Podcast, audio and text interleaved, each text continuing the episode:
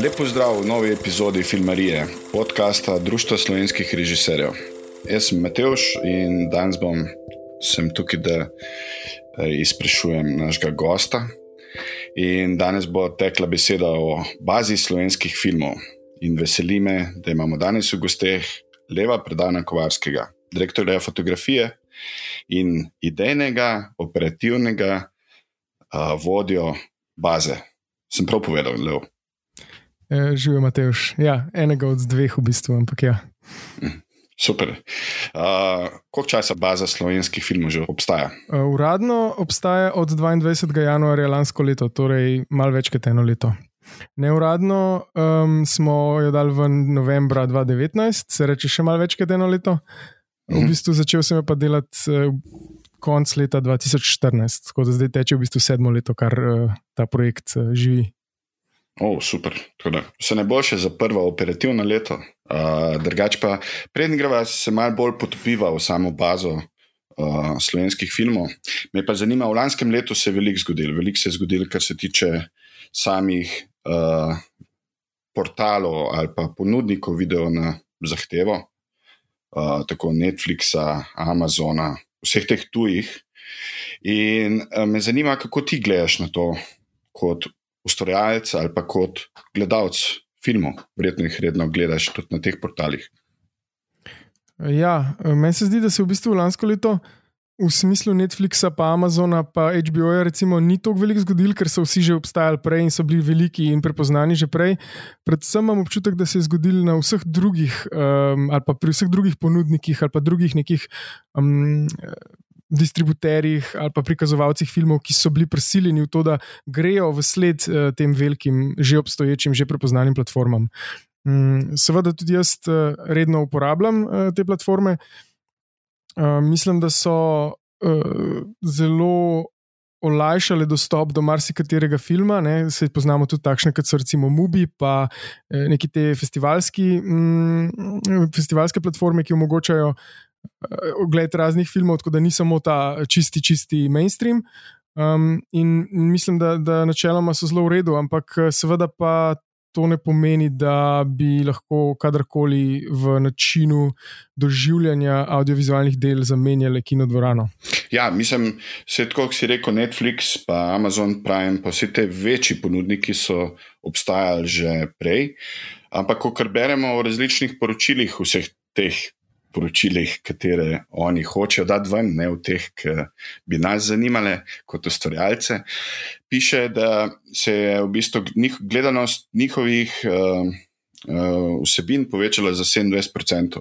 In mislim, da je kakorkoli obrnemo, je tudi lansko leto na nek način za njih prelomno leto. Kaj pa recimo misliš, ker si že malo omenil, v bistvu kino distribucijo oziroma doživljanje filma v kinu? Uh, Mar si kater moj kolega, pa na vse zadnje tudi jaz mislim, tako, da na nek način ta kinodistribucija ne bo več uh, potekala na enak način, kot je pred samo epidemijo. Uh, misliš, da je tle kakšna možnost spremembe, kakšna prednost za nas, ustvarjalce, ali je samo temna, črna prihodnost Netflixa in podobnih portalov? Mislim, najprej, da rečem, mislim, da seveda je bilo prelomno leto v bistvu za vse spletne ponudnike, česar koli, ne, eh, ne samo za Netflix, pa, pa Amazon Prime, ampak Amazon kot spletna trgovina je naredil, ne vem, podvojil svoje v bistvu dobičke, pa velikost, pa vse živo. Ne. Tako da pač leto je bilo zaradi teh zaprtij, zaradi tega, ker je cel svet praktično obstal eh, v nekem realnem svetu, ne, seveda se je preselilo marsikaj v virtualni svet. In um, tukaj je bilo prelomno leto za vse. Ne, in tudi procesi tega, v bistvu eh, digitalizacije ali pa procesi. Um, ponujanja storitev uh, na spletu, oziroma možnosti sploh uh, koristenja določenih storitev na spletu, so se zelo pospešili. Ne? Tudi v državah, kot je naša, naprimer, ki je pač prislovično zaostaja za, za svetom, pač praktično vsem, um, vedno pač smo v zadnji, ampak.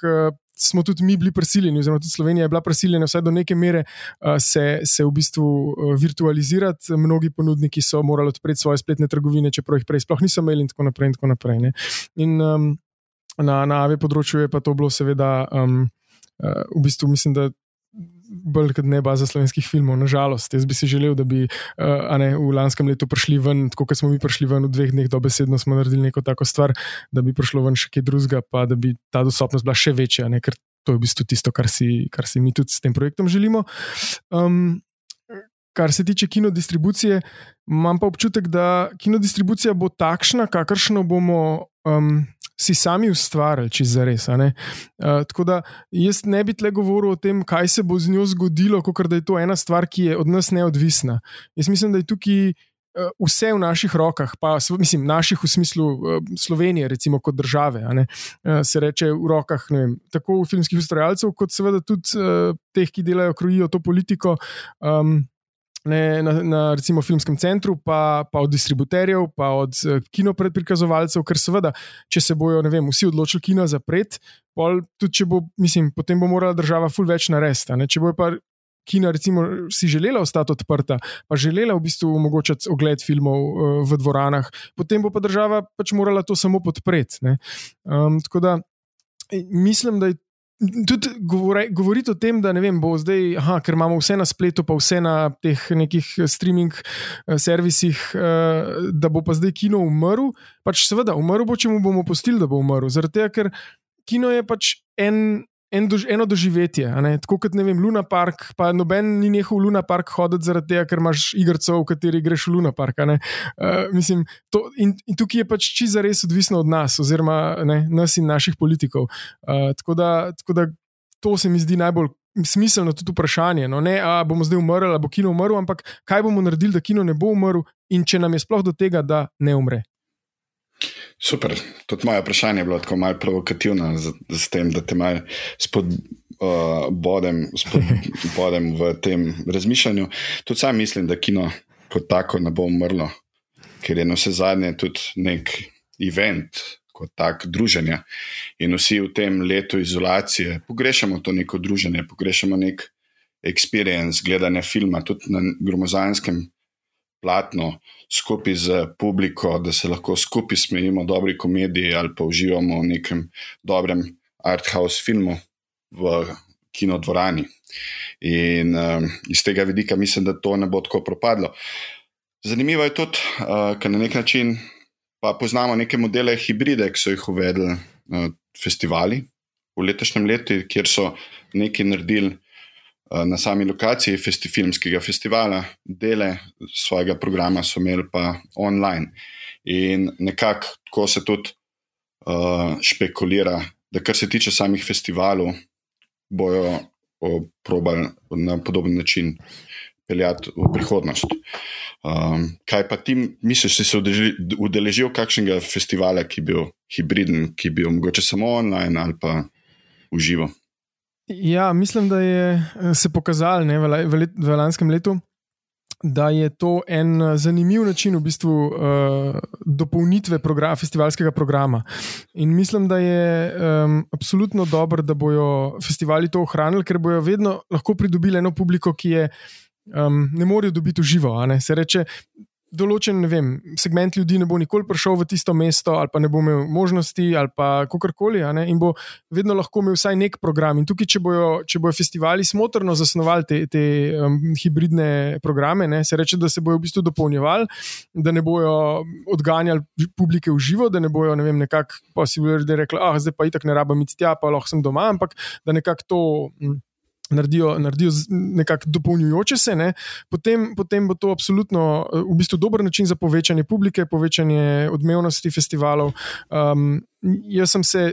Lansko leto udeležil nekaj festivalov na ta način, ampak kar je mogoče še bolj zanimivo, mi smo v lanskem letu na, v bazi slovenskih filmov um, kar nekaj festivalov na ta način tudi podprli, slovenskih, uh, ker smo lahko odreagirali, pa ker smo v bistvu odreagirali z neko prijazno, um, mislim, prijazno roko, roko smo podali njim, um, in tudi nismo uh, neki blazno računali teh stvari. Ne, smo pač to, kar smo mi v bistvu porabili, pa še celo manj smo v bistvu to računali, zato da smo jim lahko to omogočili, ker se nam je zdelo pomembno, da v bistvu. Uh, festivali ohranijo to kontinuiteto, ker če ne, je verjetno ne bi mogli ohraniti, ali bi pa recimo uporabljali načine, ki so, um, po mojem mnenju, dvomljive narave. Ne? Naprimer, da filme daš na neke portale, ki uh, imajo zelo, zelo. Um, Odprto zastavljene te pogoje uporabe, ne se reče, ko daš film gor in v bistvu daš pravice, čeprav jim teh pravic res ne bi smel dati, ker jih ti kot prikazovalec, naprimer, sploh nimaš, pa nimaš pravice dajati.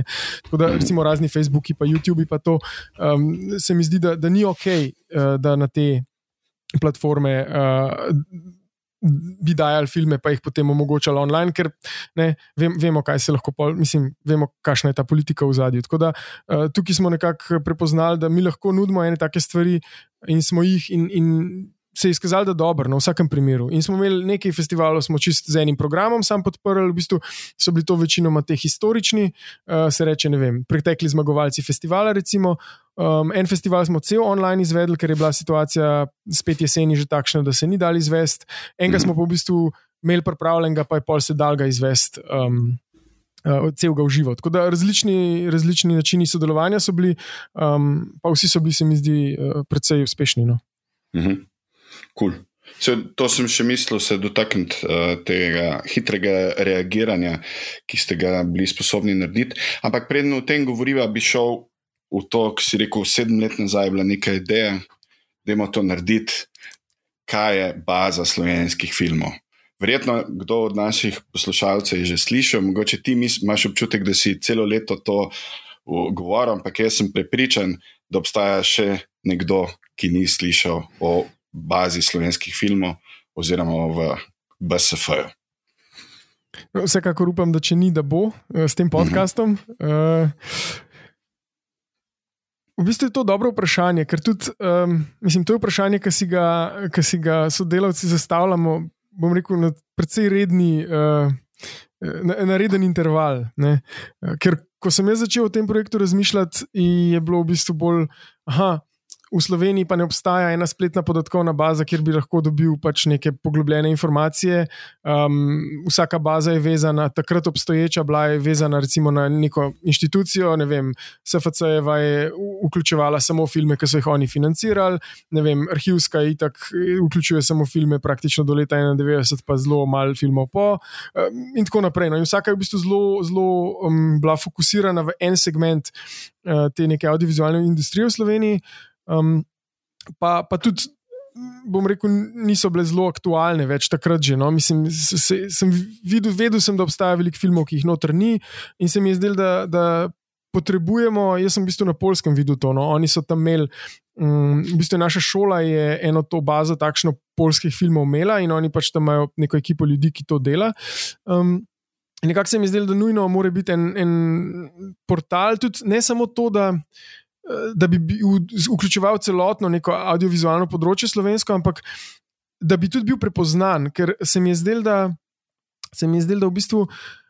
Uh, Nekako SFC je imel svojo bazo, ampak je bila v bistvu neka podstran njihove strani, in zdaj kdo pozna, uh, ne, v bistvu za res SFC kot institucijo, tam so neki razpisi gor, to je, to je namenjeno profesionalcem, pa, pa ne, naši, v bistvu oski skupini uporabnikov, ki smo pač filmski profesionalci. Pa še recimo, jaz osebno uh, nisem bil na SFC-jevi strani že full časa, ker nimam zakaj ti iti kot direktor fotografije. Um, razen če sem hotel v bazo ne? in zdaj mogel sem pa vedeti, da ta baza obstaja. Tako da nekako. Zdaj se nam je, da mora biti en brand, ki, je, ki bo uporabnikom, neki šir, čim širši publiki, dal vedeti, da tukaj boste pa zvedeli lahko marsikaj, čim več, največ, ne, uh, ide v idealnem svetu, največ o slovenskem filmu, uh, od katerega koli portala, pač, ki obstaja, ne, če ga slučajno poznate. Eh, da, s tem se je začel in to je bila baza slovenskih filmov leta 2014, oziroma to je bila ideja baze slovenskih filmov leta 2014. Potem pa. S, tem, s časom, ko smo jo razvijali, ko smo razmišljali o tem, kaj še dodati, kako jo razširiti, vedno je bilo, uh, pa zdaj, zdaj smo našli pa te podatke, kaj pa s temi podatki. Ja, noč moramo razširiti, pa še to vključiti. Ne? In v bistvu se je teh pet, um, pet let uh, se je praktično razvijala tako, da je, tako da je um, skozi se je nekaj širilo, skozi smo nekaj dodali, skozi smo ugotavljali, da če že delamo nek, neko raziskavo, neki, da, da če dobimo podatke, da jih je škoda v bistvu završiti ali pa pustiti nekje ne, ne zapisane. Ne. Mm, tako da, tako da nekako se je to širilo in potem smo ugotovili, da če imamo podatke, treba imeti pa seveda tudi fotke, pa napovednike, uh, pa treba imeti uh, mogoče pa tudi kakšne članke. Tako da smo v bistvu. Začeli dodati možnost, da se da noter pač članke te neke iz, iz raznih publikacij čisto kot PDF-je. In uh, pol smo se zmenili z delom, pa nam je delo dalo 80 kritik, ki jih lahko objavimo, pa z dnevnikom smo se v lanskem letu zmenili, da lahko objavljamo vse članke filmske, ki so bili objavljeni v dnevniku starejši od dveh let. Torej, ogromno enega materiala, ki, ki ga imamo možnost objaviti, ko bomo imeli, seveda, čas, pa možnost za to. Um, ampak uh, ja, v bistvu, v bistvu tako pa. pa Spet, seveda, naslednji korak je, da okay, zdaj pa imamo napovednike, ki so v bistvu videi. Um, Pa tudi razmišljali smo tudi o zvočnih vsebinah, recimo raznih podcastih in tako naprej, tako da to tudi uh, nekoč bo del tega. Ne? In potem smo rekli, fuck, ampak zdaj pa, če imamo to, pa mogoče bi pa lahko tudi še en film imel gor. Vse fulje filmov na Vimeu, slovenskih, ki jih producenti sami gor dajo, ali pa avtori, ki imajo pravice za njih. Um, ampak če imamo mi eno sti, stično točko tega, zakaj pa ne bi mi v bistvu ne, omogočalo gledati teh filmov? Uh, kar mm. pomeni, da bi ljudje, ki bi našli nekaj, bi našli še nekaj drugega. Ne? In zato, ker je v bistvu. Uh, vključujemo celotno AVE področje, ne, se reče, da okay, če najdeš vem, en art video, pa mogoče pa najdeš zraven pa še en vem, celovečerni film ali pa en kratki, pa vidiš to, pa spoznaš enega avtorja. Pa, ne, v bistvu ta neka, um, kot se temu reče, ta neka luknja, v katero padeš, ne, internetna in potem klikaš in klikaš in klikaš. Ne, in ko imaš dovolj vsebin, ko je. Ko je tak portal dovolj močen, kar jaz recimo mislim, da, da, da še ni, ampak upam, da bo, ne, um, da v bistvu lahko gor preživiš veliko časa in zveš veliko stvari, in najdeš nove avtorje, najdeš ne razne take. Um, Mislim, razne nove vsebine, ki te mogoče zanimajo, ali pa ti neki, neko, neko, dajo neko informacijo, ki nisi imel, in tako naprej. In tako, naprej. In tako da v bistvu to je bil razvoj. Tako da danes, prej si omenil, predtem smo se začeli pogovarjati, si omenil, ali je to slovenski Netflix, ali je to slovenski IMDB. Jaz mislim, da to ni ne eno, ne drugo. Mi smo v enem trenutku našli definicijo, oziroma smo rekli, želimo si, da bi to postal um, en obsežen spletni arhiv, ne, ena baza znanja, najširša možna. Ne, se reče s članki, z, z fotkami, z videi, s celimi filmi, eh, čim bolj obsežna in na enem mestu, zato da, zato da ljudje lahko, da se publike lahko mešajo. Kot si samo omenil, v lanskem letu ste imeli pa ta v bistvu, javno predstavitev baze kot take. Uh, kdaj se je to zgodilo? To je bilo 22. januarja um, lansko leto. In uh mhm. -huh. v bistvu to je bila uradna predstavitev, ki smo jo skupaj s Slovenskim filmskim centrom, ker uh, mi v bistvu delamo uh, del tega, kar je BSF, je tudi za njih. Uh mhm. -huh. In potem v bistvu ste, imeli, v bistvu ste bolj predstavljali, kot razumem, takrat bazo kot tako, bazo polno podatkov in vsega tega. Um, ali -huh. tudi ta potencial, ki ga ima sama baza, ste tudi o tem govorili? Sm, ja, smo v bistvu. Um, že takrat, eh, ko smo mi to uradno predstavljali, je bilo gor, mislim, da okoli 50 filmov na voljo za mhm. ogled. -huh. Mi smo že predtem smo vam prišli, smo nekako se zmenili um, z Univerzo v Novi Gorici. Oni so v bistvu bili uh, eni izmed prvih, uh, ki so nam uh, omogočili, da damo cela audiovizualna dela um, na voljo za ogled, ker so oni tako, tako imajo svoj Vimeo kanal, uh, pa se jim je zdelo, seveda, super, ne, da lahko uh, promovirajo uh, svoje filme še druge. Um, potem je bila Sabina Džogič, ki je dala svoj film, kaj ti je film. Ki je bil v bistvu mhm. prvi celovečer na bazi, pa Luka Marčetič je dal svojo serijo Dan, ljub, uh, ja, Dan ljubezni. E, Fak, Dan ljubezni. Ja. Ja, okay. da se nas motil. Ja, no, in je dal v bistvu tudi vseh 12 delov dovoljenje, da se, ker so itak na YouTubu že full let in lih je bila takrat deseta obletnica, mislim, da uh, in, in smo dali potem gor še te dele. Tako da to so bili v bistvu te celi. Cela AV dela, mhm. prva cela AV dela, vsega skupaj mislim, da jih je bilo nekaj čez 50. Eh, tako da smo tudi o tem že takrat govorili, seveda pa ni, nisi pa noben predstavljal, da bomo dobesedno eh, mesec pa pol kasneje začeli nek ogromen projekt, kot je bil ta projekt Vsi filmi doma. Ne. Ja, ker je bil izjemen projekt v, bistvu v lanskem letu in meni je izjemno in vse čestitke tebi in tvoji ekipi, kako hitro ste reagirali. Mislim, uh, ko se je pojavila epidemija in z epidemijo tako imenovan lockdown, uh, ste vi zelo hitro odreagirali in postavili v bistvu ta projekt skupaj z filmskim centrom, če se ne motim, uh, vsi filmi doma. In kako hitro se je to zgodilo, kako se je rodila ideja, koliko filmov se je gledal. Ja, mislim, da tukaj um, gre za hvala predvsem vsem eh, producentom oziroma vsem imetnikom pravic, ki so dovolili, da se njihovi filmi predvajajo. Ne. Tukaj je bila ena velika uh, solidarnostna v bistvu poteza. Ne. Um, in nekakšna ideja se je rodila. Um, Mi smo en, dobesedno en teden prej predvajali, ali pa mogoče nekaj več, ampak mislim, da en teden smo predvajali um, pet kratkih filmov slovenskih režiserk ob 8. marcu na podoben način. Ne? In to je bil v bistvu uh mhm. -huh. prvi tak dogodek uh, spletni, ki smo ga delali. In je bil tak nek kratek, v bistvu, testič. Ne? To so bili filmi, so bili, mislim, dva dni na voljo, pa pet jih je bilo. Ne?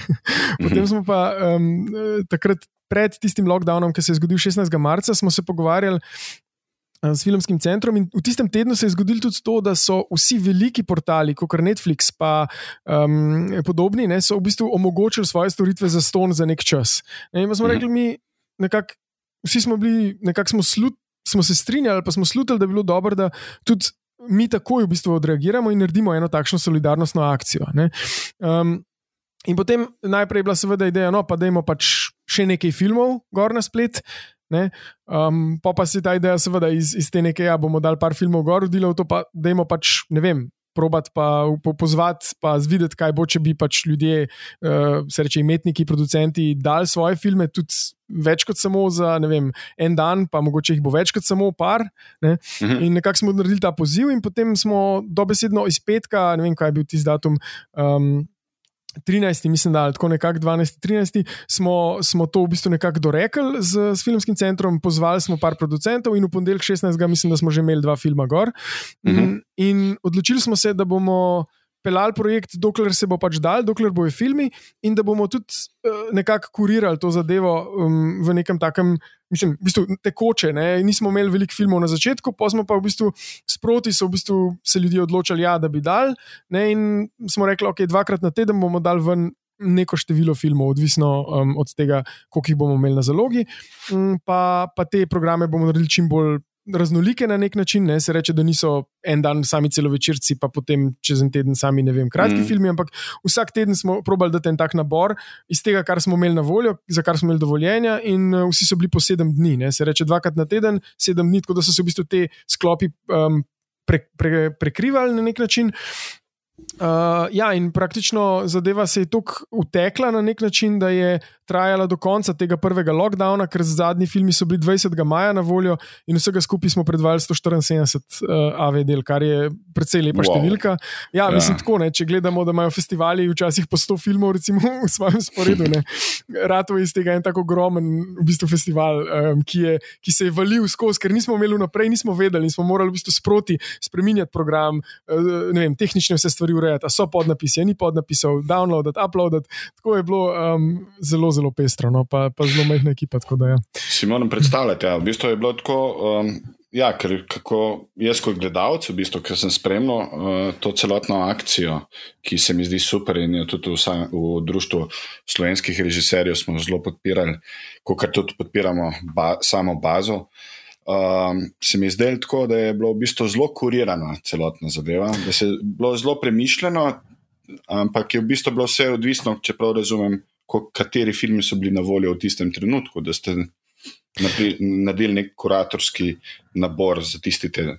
Ja, v bistvu je bilo tako, da smo se s časom, ki je projekt trajal, se nam je potem en nabor, smo, se nam je filmov nabrali in smo nekako imeli za, za nekaj časa naprej že zapolnjene termine, ampak smo pa še zmerom, ker smo dobivali nove filme, v bistvu um, uživo nekako uh, spremenjali. Tudi za naslednji, recimo, če je danes ponedeljek, pa v četrtek prije nov sklop ven, smo še danes ali pa čez dva dni v sredo zvečer smo rekli, ne, še nekaj smo dobili, ki mogoče bolj paše v ta sklop. V mhm. bistvu edini tak kuratorski, bom rekel, um, kuratorska vem, motivacija ali pa linija ne, je bila ta, da v bistvu je treba narediti te sklope raznolike. Se reče, na voljo za različne publike, z, z različnimi javodeli. Tako da smo tudi uh, probali smo imeti vsak teden nek otroški program, uh, kar ni bilo na koncu več tako lahko, ker nam je praktično zmanjkalo teh otroških vsebin, ne, ker jih res tudi ni tako zelo veliko. Mhm. Um, pa tudi vsega pač ne moramo nikoli dati za ston na voljo, ne treba je kakšne stvari tudi prehraniti. Ampak um, tako, no, nekako smo se pravi, probali smo uravnotežiti vse skupaj. No. To je bil v bistvu edini tak, mislim, naš, to neko kuratorsko vodilo. No. Nismo tle, mm -hmm. uh, bom rekel, šli na neke, ne vem, aha, zdaj bomo pa samo nagrajence predvajali ali pa samo une filme, ki se jih nikoli ne vidi. Pač iz tega, kar smo imeli, smo nekako zbirali to, kar, da smo te pakete naredili približno uravnotežene. Ne. Zato, ker tudi se nam je zdelo, da Dobro je, da v bistvu tiste publike, ki ne vem, gledajo pa samo dokumentarce, da bodo imeli čim dalj na voljo dokumentarce. In isto za mhm. otroke, in isto za neko mainstream publiko, kakorkoli. Tako nekako. Eh, pač poanta je bila to, da, da probamo čim širši krok ljudi obdržati z nami čim dalj časa. Ne? Mm. Mene je recimo ta kura, kuratorstvo, v narekovajih, bom zdaj rekel, me je spomnil na, na pristop, ki ga ima Mubi sam. In je, mislim, zelo zanimiv pristop, ker narediš nek nabor filmov za umejeno obdobje in si pogledaš, da ne brskaš po gromozanskih knjižnicah, ki ne veš, kje imaš tisto, kar te najbolj zanima. Uh, in ta pravi, da je v bistvu ta akcija, vsi filmi doma, je trajala v bistvu od prvega prvi lo lockdown. Tako, ja, od mislim, mm. 16. marca do 20. maja, tako dva meseca. Ja. In kakšne so pa številke? Vedno nas zanimajo številke, zaradi tega, ker moramo priznati, da vsi ti veliki uh, ponudniki nikoli ne delijo številke, koliko je bil kakšen film klikan in predvajan. Ti si pa zelo transparenten na tem, oziroma celotna ekipa ste zelo transparentni in me zanima v bistvu kako je bila ta akcija uspešna ali neuspešna. Ja, ja, um, jaz se zdaj natančno več ne spomnim vseh teh številk, pa nimam tle poročila. Mislim, lahko se ga odprem na hitro, um, čisto da ne bom se zlagal, okay, uh, se -huh. zmislil, okay, samo sekundo. Uh, ja, torej, um, številke so sledeče. Uh, ogledov ki so, filmov, ki so bili znotraj programa, je bilo vsega skupaj v tem času 85.804. Je bilo pa v tem času tudi, so bili še filmi na voljo na BSF, ki niso bili del programa. Um, vse skupaj je bilo nekaj čez 93 tisoč ogledov. Um, zdaj pa če še, še malo druge statistike, v tem je bilo 61 celovečernih filmov, 113 kratkih, pa 33 epizod serij. Um, od tega 58 igranih, 38 dokumentarnih, 70 animiranih, uh, pa potem 6 igrano dokumentarnih, pa 2 dokumentarno animirani deli. Um, Tako. wow, to, so, to so izjemne številke, posebej za projekt, ki je v bistvu en mesec bil star v tistem trenutku, ko se je zagnala ta akcija. In čestitke, to je res uh, nekaj, nekaj izjemnega kot takega. Um, ampak potem pa, v bistvu, če se ne motim, v teh dneh ste vendar tudi celotno poročilo uh, za lansko leto, nekako ta transparenca, ki jo, ki jo imate, uh, koliko filmov se je zvrtelo v lanskem letu, koliko filmov je na voljo v sami bazi, da si lahko gledalci pogledajo, uh, kakšne so pa te številke. Ja, mogoče tudi to, kar ti še nisem predgovoril. Um, mm. Ta neka ideja o tem, da po, pač bomo vendar podatke, se mi zdi zelo pomembna, zato ker, kot vemo, veliki portali teh podatkov ne dajo. Mm. Uh, nam se pa zdi pomembno, da, da te podatke imamo, zato ker velikokrat se pojavljajo v medijih dezinformacije m, v smislu. Slovenski filmi niso gledani, uh, tega nobene mara, to je nekaj, kar je brez veze. Ne? In, in nekako uh, verjamemo, da je treba pač te stereotipe razbijati, ampak razbijaš jih lahko samo s podatki. Ne? Ne moreš, mm. mislim, ti lahko rečeš, da ja, pač Ne, pa ni res, ampak potem ta debata v bistvu eh, je na, na nivoju ene osnovne šolske, to si ti, kaj sem pa jaz. Ne. Tako da eh, edini način, da to, da to rešiš, je to, da imaš podatke in da s temi podatki operiraš. Ne. In eh, da pa imaš podatke, seveda jih moraš zbirati in obdelovati, in potem na koncu jih moraš tudi, seveda, narediti dostopne, ne, javno dostopne. Mm. Ker, um, Moje mnenje je, da najslabše je, če, če te podatke narediš delno dostopne, to, to je vedno najbolj slabo. Pač, da jih daš, recimo, da bi zdaj povedal samo imetnikom pravic, koliko, so bili njihovi filmi gledani. Ker potem se ustvarja neka fama okoli tega, potem vsak lahko s temi podatki zase manipulira. Mm. Uh, to, se, to se nam je zdelo čisto popolnoma um, nesmiselno. Ne? Um, in nikoli pa nismo sploh razmišljali o tem, da ne bi teh podatkov vendal. To, to pa mm. sploh ni bila opcija. Mislim, jaz uh, sem vedno si želel, uh, lih zaradi tega, ker, ker, ker je to, mislim, to je uspeh vseh nas to ni, mislim, BSF je samo en katalizator enih stvari v bistvu. Um, in in meni se zdi, da. Pač, ja, ti lahko rečeš, da čestitam za projekt, ampak meni se zdi, da je to je naš, naš uspeh. To je uspeh mhm. -huh. imetnikov pravic, ne, uspeh filmskih avtorjev, ki so te filme naredili, uspeh publike, ki je te filme gledala, in, in ne na zadnji uspeh pač celega slovenskega audiovizualnega področja, ki je um, dosegel eno, eno nov, nov nivo prepoznavnosti, recimo, ali pa nov, dosegel neke nove publike v času, ko, ko praktično je vse drugo, uh, kar se audiovizualnega umrlo v Sloveniji. Ne? Ok, sej obstaja TV, pa obstajajo te neke platforme, ki so prej obstajale, ampak v bistvu tudi zato so bili, po mojem, te.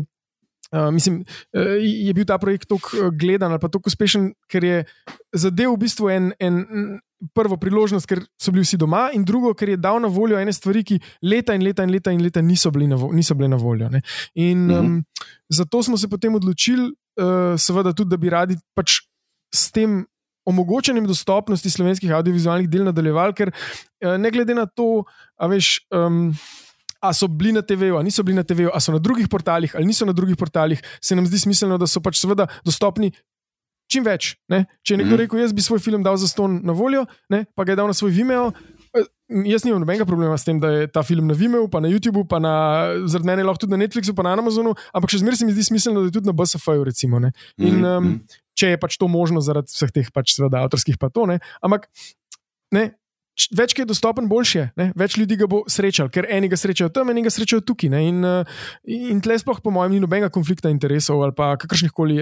Mislim, valjda, če hočeš služiti, če je to komercialna dejavnost, potem jasno ti je v interesu, da pridejo ljudje k tebi. Ampak mm naš projekt ni s tem ciljem, mislim, sploh zastavljen ni tako in tudi ni to nam njegov namen. Njegov namen je omogočiti dostopnost do, do audiovizualnih del. Ne? In zato v bistvu nam je ta politika pač čim širše dostopnosti zelo blizu in, in nimamo nobene težave s tem, da so filmi tudi druge. Mm, mm. Čim več. Mislim, ja, s tem se ja. zelo strinjam, tudi sam osebno. Uh, kot tudi DSR, in mislim, da je zelo pametna politika.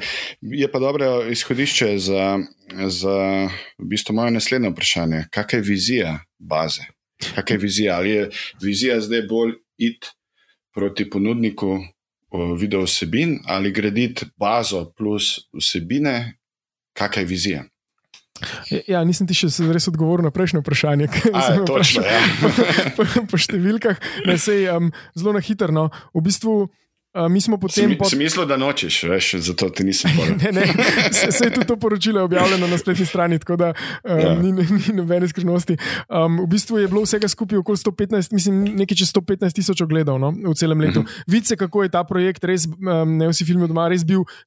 Zadev je v tisti trenutek, ko res ni bilo noč in vsi so bili res doma. Um, uh mhm. -huh in je ogromno pobral, pobral gledanosti. Um, potem pa skozi leto, no, vse tudi to ni slabo, ne, še tistih dodatnih 30 tisoč ogledov, ni tako malo, če za res. Um, uh -huh. Tako da, uh, tako da uh, v bistvu, mislim, to je ta skupna številka.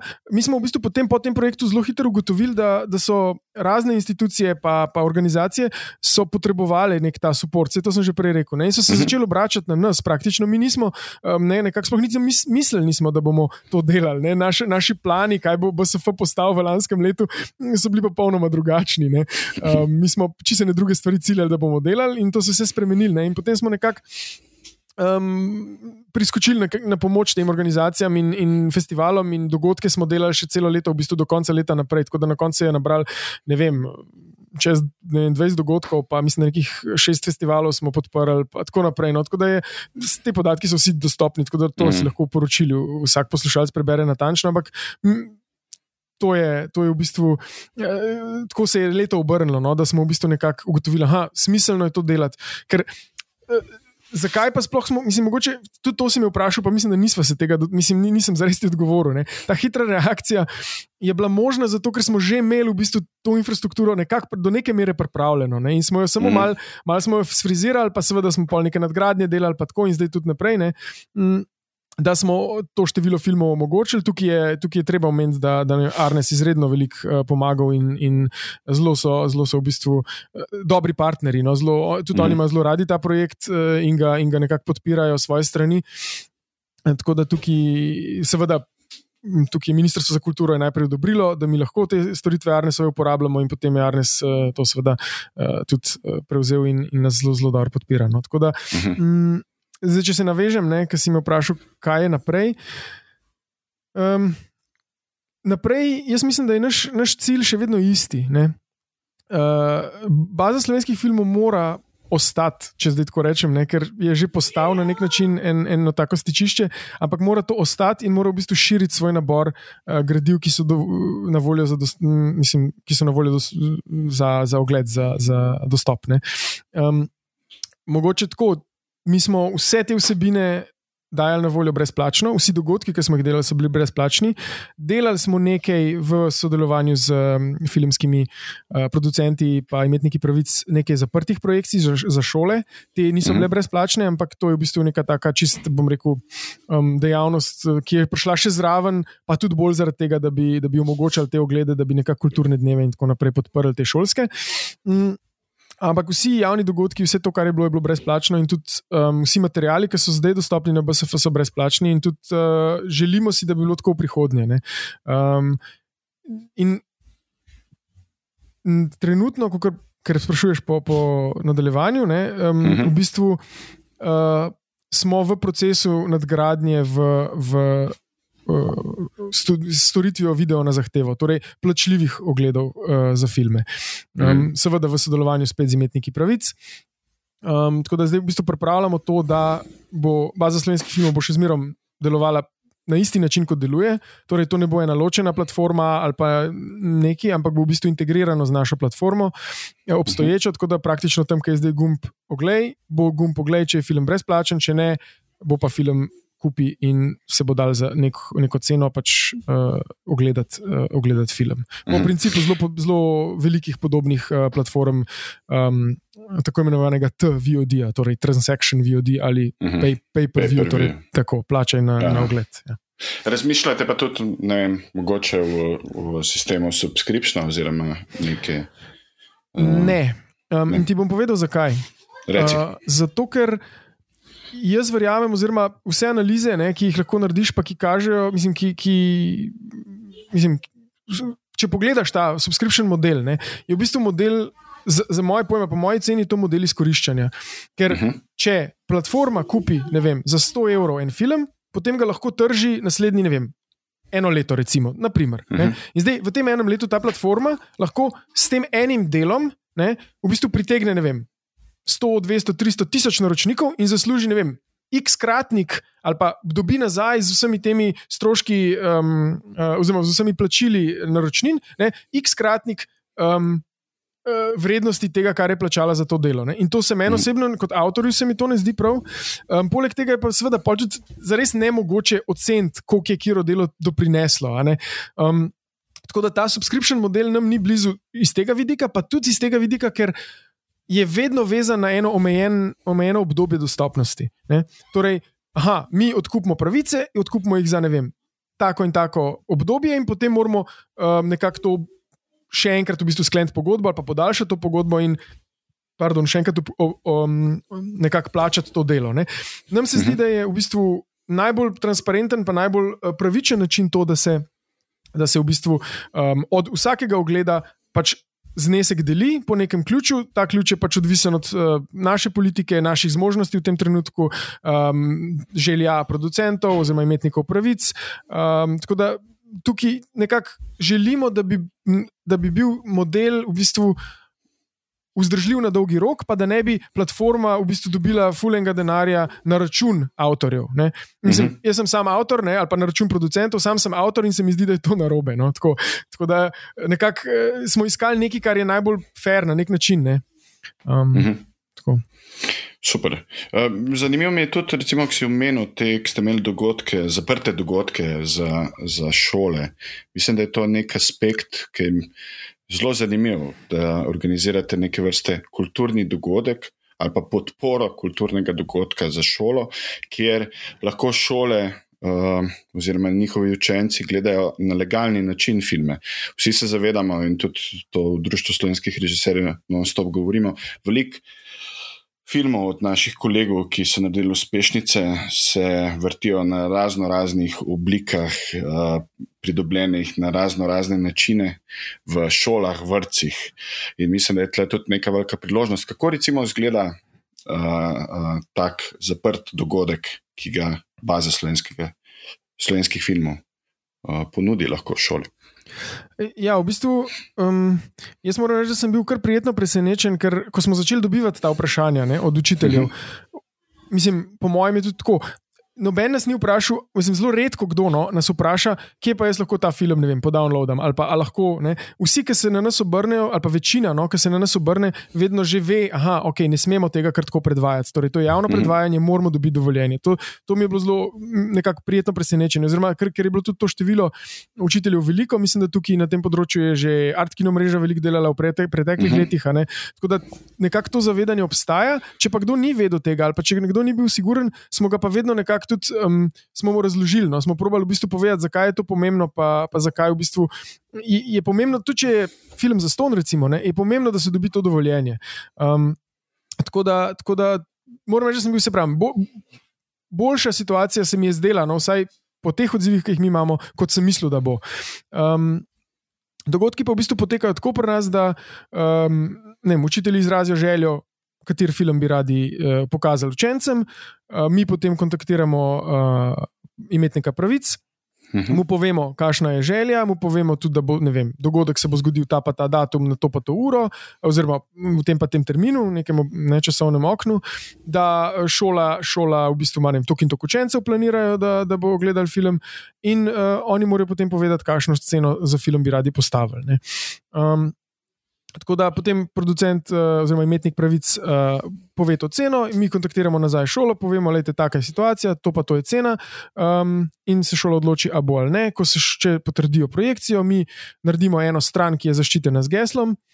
Uh, ta stran je v bistvu aktivna samo v tem terminu, ko je zmenjen film, uh, in uh, potem oni pač to stran delijo svojim učencem z geslom, uh, in oni si, učenci si potem, v, takrat, ko si pač znotraj tega okna želijo ali pa lahko pogledajo, si pogledajo ta film, in na koncu um, mi preverimo našo analitiko, uh, pove, pogledamo, koliko je bilo ogledov, in izstavimo račun. In potem nakažemo uh, producentu, oziroma imetniku pravic njegov delež. Ne? Ker tukaj v bistvu mm. za te projekcije smo nekako uh, pristopili čisto kot pristopajo tudi kinematografi ne? in jih delamo, trenutno jih delamo 50-50. Torej, mm -hmm. če je cena 2 evra na film, 50 vzame filmoteka, 50 dobi imetnik pravic. To je čisto zato, ker enostavno teh dogodkov ne moremo, mislim, že tako jih delamo praktično. Zato, da, da so, ne, in mm -hmm. ker imamo, nimamo v bistvu nobenega resnega financiranja in delamo to več ali manj za ston, oziroma fulejnih ur mhm. brezplačno. No. V, v, v, v lanskem letu jih je bilo vem, 3000, čez 3200, vse to je tudi vse v poročilu napisano. Da, uh, in smo rekli, da ja, dokler, dokler ta projekt ne more obstajati na neki drugačni osnovi, moramo pač nažalost um, na ta način funkcionirati, čeprav si ne želimo. Ne, valjda, super bi bilo, da bi ena taka platforma lahko obstajala z neko drugačno podporo, pa bi v bistvu šel večina, večinski delež, recimo, ali pa vse tudi lahko teoretično, ne, uh, v bistvu imetnikom pravic. Mhm. To je bilo moje naslednje vprašanje vprašanju. V bistvu me zanima, govoriš, kaj se uh, dogaja na, na sami bazi. Uh, Sveda je pa veliko vprašanje tudi samo financiranje baze kot take. Mislim, da vsi vemo, vsaj mi filmari vemo, da je baza v bistvu in vse delo, ki ga delate, v bistvu nezadostno financirano in da je enormno število ur, ki so pro bono delo. Lahko sam to malo ukvir postavimo, koliko je bilo pro bono dela, kako je financiranje enega tazga velikega projekta, ki bi mogel biti na nek način del nekega nacionalnega programa. Um, ja, v bistvu lansko leto smo na koncu leta seveda naredili pač um, cel obračun in smo ugotovili, da smo um, 600, čez 660 ur, nekaj čez 660 ur smo v bistvu plačali dela sodelavcem, uh mhm. -huh. um, ob tem je bilo pa še čez 3200 ur dela vloženega brezplačno. Ne? Torej, uh mhm. -huh. celotno delo je bilo malo manj kot 4000 ur, recimo. Mm. Tako da, ja, to, je, to je v bistvu ta realnost. Mm. Pač gre za to, da seveda, če, če delaš praktično vsak teden nek dogodek, pa, pa zraven še vem, podatke noter filaš, je, je, je enostavno ogromno ur gre za to. In um, tudi. Eh, treba je vedeti, da v bistvu podatkovna baza, kakršna je danes, ne, v obliki, ki danes obstaja, je večja od kjerkoli baze uh, javno dostopne, uh, ki je obstajala do zdaj v Sloveniji. Ne. Mi imamo uh mhm. -huh. veliko več audiovizualnih del, oseb, um, organizacij, notor upisanih in seveda še ne vem.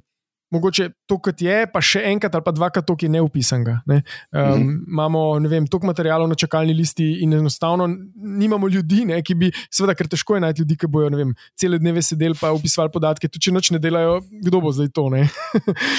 um, počel. In za nazaj, v bistvu je treba ogromen dela narediti, mi zdaj sproti delamo, ne, za sproti upisujemo in nagrade, ki se dobivajo, tiste podatke, ki jih dobimo ali pa ki so v medijih, v bistvu skozi uh -huh. spremljamo in medije in nekako, če se avtori javijo te, ki so nove stvari, te upisujemo, ker jih v bistvu nikoli ni veliko. Nekaj pride, ne vem, ena nova, dve novi, tri nove nagrade na dan, recimo, ne, to je, to je simpel. Ampak, ker ti pa nekdo pošle, ne vem, seznam za celo svojo filmografijo za nazaj, za ne vem, 10, 15, 20 let, ne, um, pa je noter, ne vem, 30 nagrad ali pa 60 nagrad, pa ne moreš vedeti niti, uh, mislim, treba je pol najti v bistvu festival, pa ugotoviti to, pa, ne, ker veliko je napak v teh zapisih in, in mi se, se trudimo, da bi preverjali vse zapise, ne, da bi čim več mhm. podatkov preverjali za nazaj in jih um, in jih pravilno zapisali, ker se je ogromno napačnih zapisov pojavilo.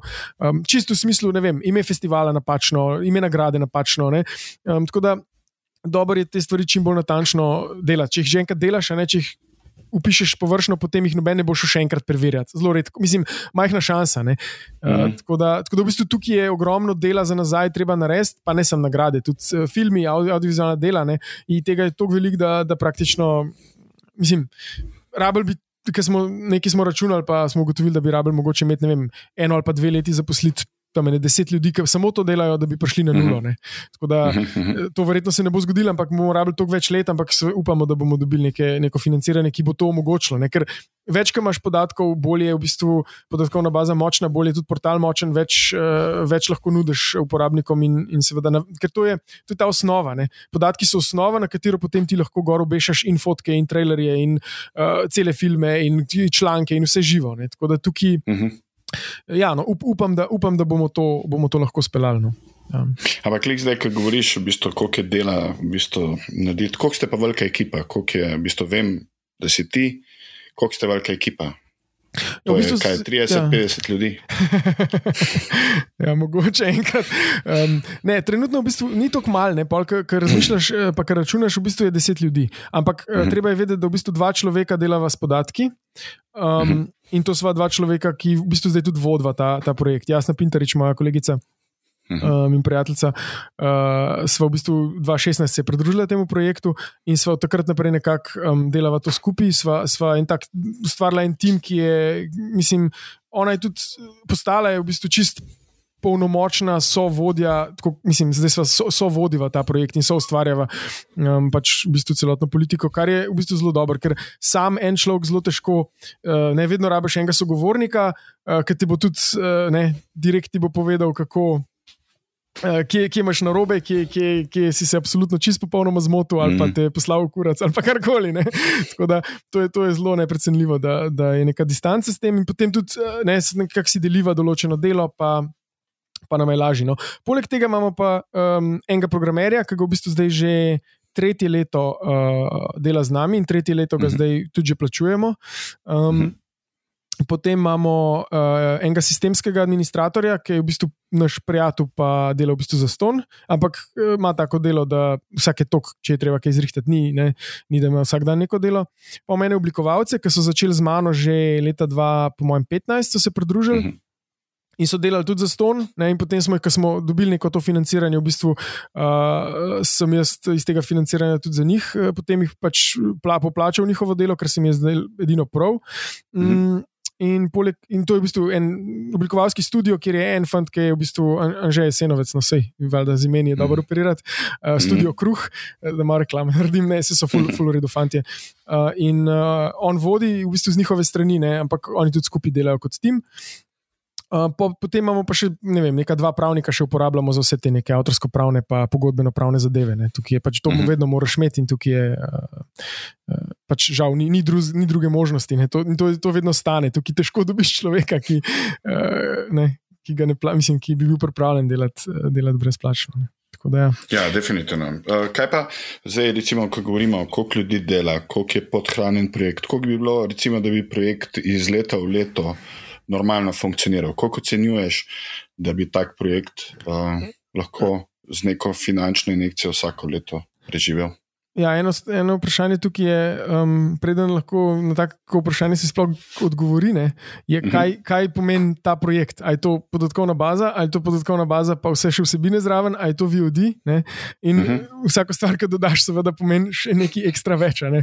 Uh, da, ja, mislim. Um, če, bi, če rečemo, da ne, ne bomo uporabljali teh deset ljudi za dve leti, ki bojo pač vse vnesli. Um, mhm. Ampak tako, da bi bil nek tim, jaz mislim, da bi moral biti uh, tim vsaj petih ljudi, no, ki bi v bistvu bili redno mhm. zaposleni na, na tem projektu. Um, kar pa, pa če si preračunaš, pač, mislim, da greš uh, hitro čez 100 tisoč evrov na leto. Um, ampak, mislim za res podobni projekti, ne, uh, ki obstajajo v Sloveniji, neke te spletne baze, spletni portali na ta način, na raznih drugih področjih, in ne, področje glasbe, gledališča, uh, obstajajo že in imajo vsi približno tako financiranje. No, tam nekje čez 100 tisoč evrov, ponovadi, no, ali pa malo manj, ampak tam okrog. No. In to je, mislim, da minimum, za katerega v bistvu potem lahko zagotavljaš neko storitev in jo tudi, bom rekel, izboljšuješ, pa, pa nekako, eh, ne, da, ni, da ni zdaj, da stagniraš. Pa, ker, ok, seveda, če bazo pustiš, jaz če jo danes pustim, neham delati praktično praktično baza bo obstajala, ne? ampak mm. dobesedno čez dva meseca bo ratala neaktualna. Ne? Um, mm. In vsi ti projekti spletni, tudi to je recimo ena stvar, to je zanimivo vprašanje. Tega se, tega se večina ljudi ne zaveda. Ne? Ampak, recimo, če gledamo te velike spletne um, projekte, ne? pa ni nujno, da so podatkovne baze, ampak čist projekte kot, um, ne vem, rečemo Facebook, ne? za primer, uh mhm. -huh. ki, je, uh, ki je ogromen.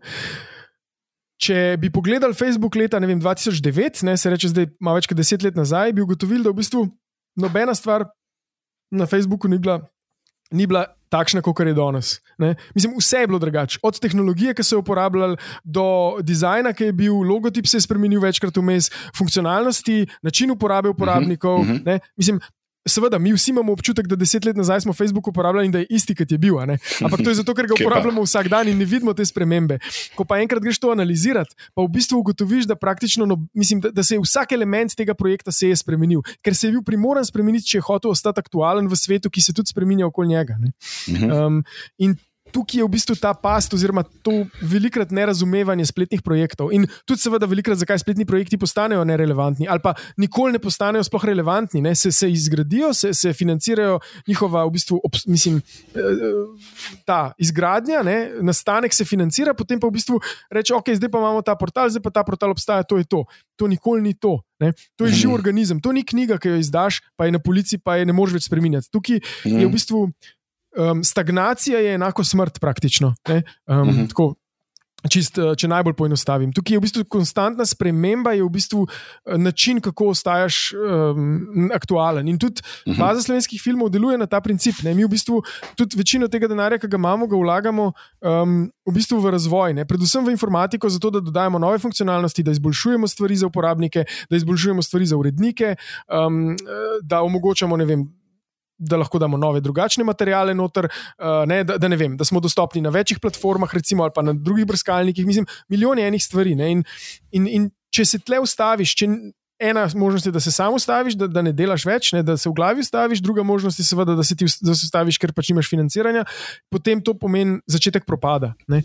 In um, to je ta nevarnost in, in ta v bistvu zagata teh uh, spletnih projektov. No.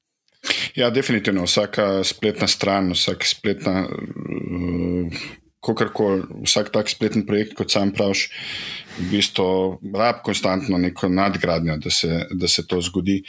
Um, drugače umre. Vi ste, kot prav razumem, v bistvu kot baza zdaj v tej prvi začetni start-up fazi, rabite v bistvu nek sit kapital, da bi prešlo v bistvu neko bolj resno fazo samega razvoja projekta. Uh, če gledamo skozi analogijo Facebooka in podobnih teh internetnih uh, mm. uh, uh, projektov. Ne vem, če, ne, vem, ker, eh, zdaj, ne vem, če si jaz to prav predstavljam, ker nisem jih, bom rekel, vešč v terminologiji finančni, ampak sit mhm. kapital mm -hmm. se mi zdi bolj ta zagonski. Uh, ja. Ampak to smo mi že dal čez, mi smo to že naredili, ne? baza je nastala. Mm -hmm. Praktično naš zagonski kapital je bila energija, ki je ta tim, ki zdaj delamo to, ne? Mhm. vlagal pač prvih pet let, preden smo postali javno dostopni. Mm -hmm. za, za, za to delo v bistvu nismo nikoli dobili nobenega plačila in tudi nikoli ga nismo iskali. Mi smo hoteli v bistvu, ok, zdaj smo to naredili, to je že za nami, to je neka vrednost, ki smo jo ustvarili, ta vrednost je tako um, nekako obstaja, ne? um, delo ni stran vrženo, če bomo lahko ta portal vendali in ga bomo lahko vzdrževali. In zato mhm. sem jaz, uh, seveda, vedno se trudil, da bi. Eh, ne, da bi zdaj to prodal, ali pa ne vem, tudi, seveda, lahko bi tudi to, če bi kdo hotel kupiti, ampak nam se je zdelo bolj pomembno, da ta projekt ne umre. Ne? Ker če ti vlagaš neko delo, ok, delo si vložil za sto, ampak zdaj pa mislim, jaz, mo, moja motivacija je bila vedno ta, okay, to delo smo vložili, zdaj pa naj to delo pokaže ene sadove v smislu uh, tega, da bo vem, slovenski film bolj prepoznaven, tega, da bo ljudje mm. obiskovali to platformo, tega, da bodo informirani. In, in zdaj to se je zgodilo, hvala Bogu. Ne? Tukaj zahvaljujoč filmskemu centru, ki je seveda našel to neko osnovno, najmanj mikro v bistvu financiranje, ki nam omogoča, da, da obstajamo in da to nekako peljemo naprej, pač seveda z ogromnim uložkom brezplačnim, ampak nima veze. Ne. Vsaj to mhm. je zato, da lahko v bistvu prevzemamo tudi, ker ta denar je tako. Ne. V bistvu na koncu koncev gledaš in rečeš, ah, mi moramo vem, v sodelovanju s filmskim centrom prevzeti določeno odgovornost. In to odgovornost mm -hmm. se plača. Ker, ne, mislim, seveda, delo bi se tudi moralo, mislim, se tudi plača, ampak delo je ta odgovornost. Reči mi rečemo, ja, vnašali bomo filme, ki so v danem letu aktualni, ki nastanejo, ki so na festivalu in tako naprej. In to je ta odgovornost, ki se plača. Ne. Vse drugo je v bistvu naša dobra volja ali pa koliko časa imamo pač v svojih življenjih, ne, ker delamo seveda vsi druge stvari. Da, mm -hmm. um, in, in, in, ta, mislim, in denar, ki ga dobiš, je v bistvu tono. S tem Ne, se plača se odgovornost, da bojo stvari narejene, da bo, da bo stvar furala naprej. In tukaj je, imamo srečo, da se je to zgodilo, da je bil takrat ta trenutek, ko je filmski center lahko ta denar našel, ne, um, uh mhm. -huh. da, smo, da lahko zdaj pač obstajamo in da smo lahko v lanskem letu ne, bili tam in, in reagirali na stvari, ki so se zgodile, in izkoristili te priložnosti, ki smo jih imeli, da smo, da smo um, pač naredili to, kar smo naredili in pomagali, uh mhm. -huh. predvsem tem, ki smo pomagali. Ne. Kaj pa ti, kot en od vodij projektov, v bistvu zdaj, ki govoriva o vseh teh aspektih, financiranju, neki prihodnosti? Kdaj bi bil, pa vemo, pa tem, ki so govorili, da se mora vsak tak spletni projekt non-stop razvijati, ampak kdaj bi bil ti zadovoljen? Kdaj bi ti rekel, sosedo na kavč, odprl pivo in rekel, ok, zdaj pa baza dela, saj tako, kot sem si predstavljal, in lahko gre naprej. Um, takrat, ko bi na mest mene moje delo delal nekdo, ki bi jaz mu zaupal 100%, da bo delal na ta način, kot jaz verjamem, da je treba delati. Se reče, verjetno nikoli, oziroma ne, sam, če sem na tej poziciji, ne bom nikoli zadovoljen. Ne? Ker vem, mm -hmm. ker skozi vidim naprej, ne vem, 3, 4, 5, 6 korakov, uh, kaj se da še tle narediti, kaj so potencijali. In te potencijale si želim izkoristiti. Želim si jih v bistvu zagrabiti, ne, priložnosti in izkoristiti te potencijale, zato da bi lahko ta projekt bil še boljši, kot je. Zdaj, upam, da bom nekoč lahko, ko bom, ne vem, pač ne bom se mi dal več tega delati, ali pa uh, ko bom strp, pa ne bom več mogel tega delati, um, -hmm. ali pa tako zaposlen z drugimi stvarmi, da ne bom več mogel tega delati, nikoli ne veš. Ne?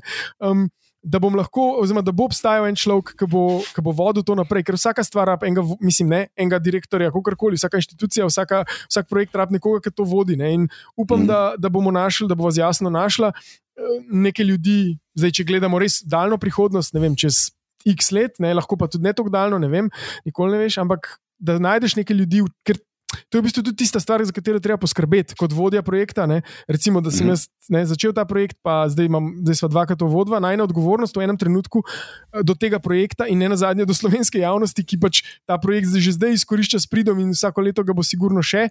Ne, mhm. da v bistvu zagotoviva ko, ko mi dva tega ne delava več, eno kontinuiteto tega projekta. Ne. In to je v bistvu tisto, mm. za kar zdaj se nekako uh, borimo, da bi dobili neko financiranje, ki bi v bistvu to zagotovilo. Sej, uh, ne, noč drugega praktično. Ker še zmeraj mm. ta projekt, ne, če vložiš na leto 600 ur.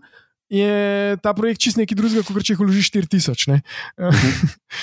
Definitivno. V bistvu. In tle, zanimivo je v bistvu tebi, kot en od vodij projektov, se mi zdi, da v bistvu vodiš nek projekt, za katerega bi nekdo rekel, da je komercialne narave. Hkrati si pa avtor, si direktor fotografije in pre, tako jaz vidim stvari, pa mogoče tudi moji kolegi, da v bistvu to strast, ker oddelaš film, v bistvu prenašaš tudi ta projekt, v bistvu drugače toliko časa ne bi zdržal. V tem projektu.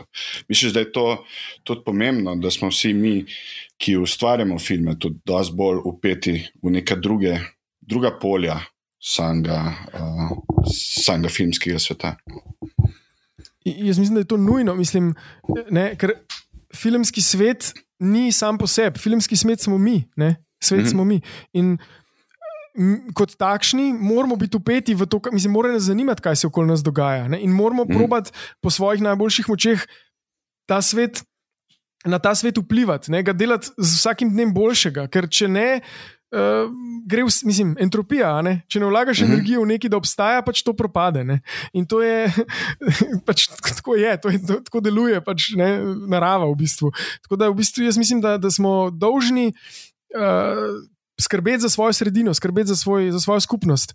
Uh, kar pa je zanimivo, ker si omenil, da, da ne, to, aha, kot avtor vlagam neko, neko energijo v svoje dela in tudi v ta projekt. Jaz sem ugotovil, mislim, poleg tega, da v življenju se mi zdi, da je treba delati stvari, ki jih radi delamo, ne, oziroma da je treba mm -hmm. imeti rad stvari, ki jih delaš.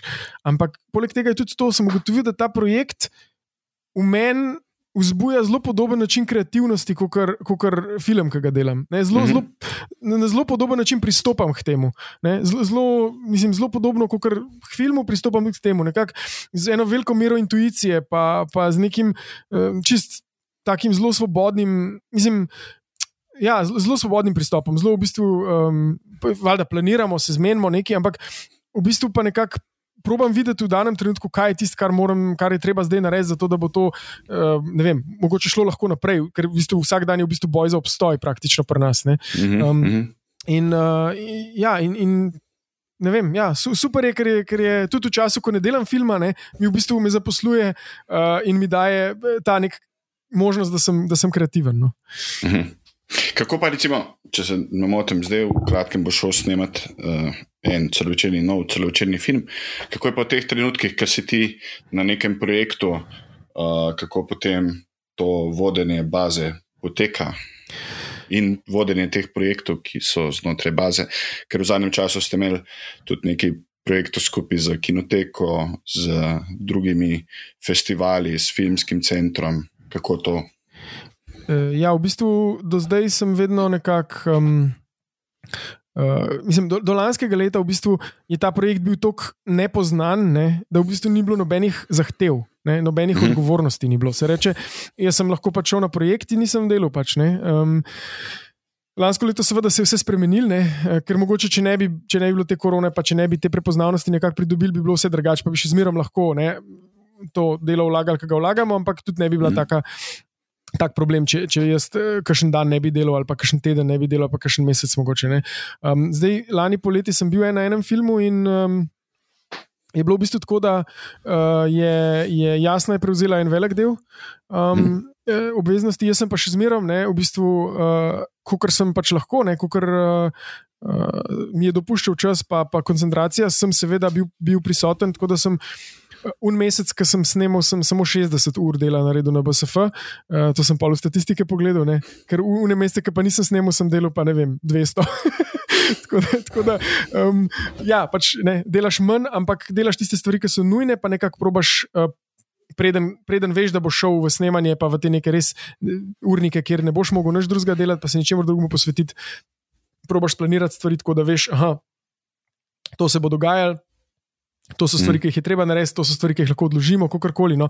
Um, je pa tudi res, da zdaj z letošnjim, oziroma z zaključkom lanskega leta, smo jasno ugotovili, da, uh, da, ne more, uh, da ne more biti tako, da ima ona svojo redno službo. Um, pa zraven dela, če tega, sploh pa če jaz bom šel na film. Ne, v bistvu, mm. um, mora biti nekdo, ki je praktično v nekem rednem delavniku, se reče 8 ur na dan, uh, na voljo ne, in dela stvari. In, in to bo tudi veliko doprineslo temu projektu, ampak seveda za to smo si morali, si je filmoteka, no, pač uh, morala sposoditi uh, pač neko zajet, zajetnejšo količino denarja. Uh, zaradi tega, da pač lahko letošnje leto na ta način pokrijemo, ne? in upamo, da bomo nekako dobili našli neke vire financiranja, ki bi, seveda, s katerimi bi lahko to posojilo vrnili in potem tudi naprej funkcionirali. Hmm. Ja, jaz si želim, da bi se čim prej zagotovilo, ne samo jaz, v bistvu tudi mislim, da v Društvu slovenskih režiserjev si želimo, da bi uh, se čim prej zagotovilo financiranje tega projekta, kot je BSF. In se ti zahvaljujem, da si danes prišel v podcast, ki nisem podcast slovenskih režiserjev, ampak tako kot baza podcast vseh. In ne bom rekel, tudi načrtno sem se nekako izogibal, da povem, na katerih filmih si delal, ampak bom raje poslušalce pozval, da ne gre na bazo slovenskih filmov in otipkajo tvoje ime in pogledajo, kaj vse si naredil, ker mislim, da bojo s tem uh, bolj detaljno zvel vse informacije in definitivno boš to čel prihodnje kot ustvarjalec gost tega podcasta. Tako da uh, res ti hvala, da si se vzel čas hvala, da si prišel v filmarijo in upam, da uh, bo ta projekt končno bil stabilen in da bo imel prihodnost tudi v finančnem smislu, ker v kreativnem in entuzijastičnem smislu mislim, da jo že ima. Hvala, Mateoš, za vabilo in za prijeten pogovor. Da. Hvala lepa. Poslušali ste podcast Filmarija, ki ga izdaja Društvo slovenskih režiserjev s podporo Slovenskega filmskega centra Javne agencije Republike Slovenije. Producentka Zala Opara, tehnična izvedba Luka Marčetič. Hvala za posluh in do naslednjič.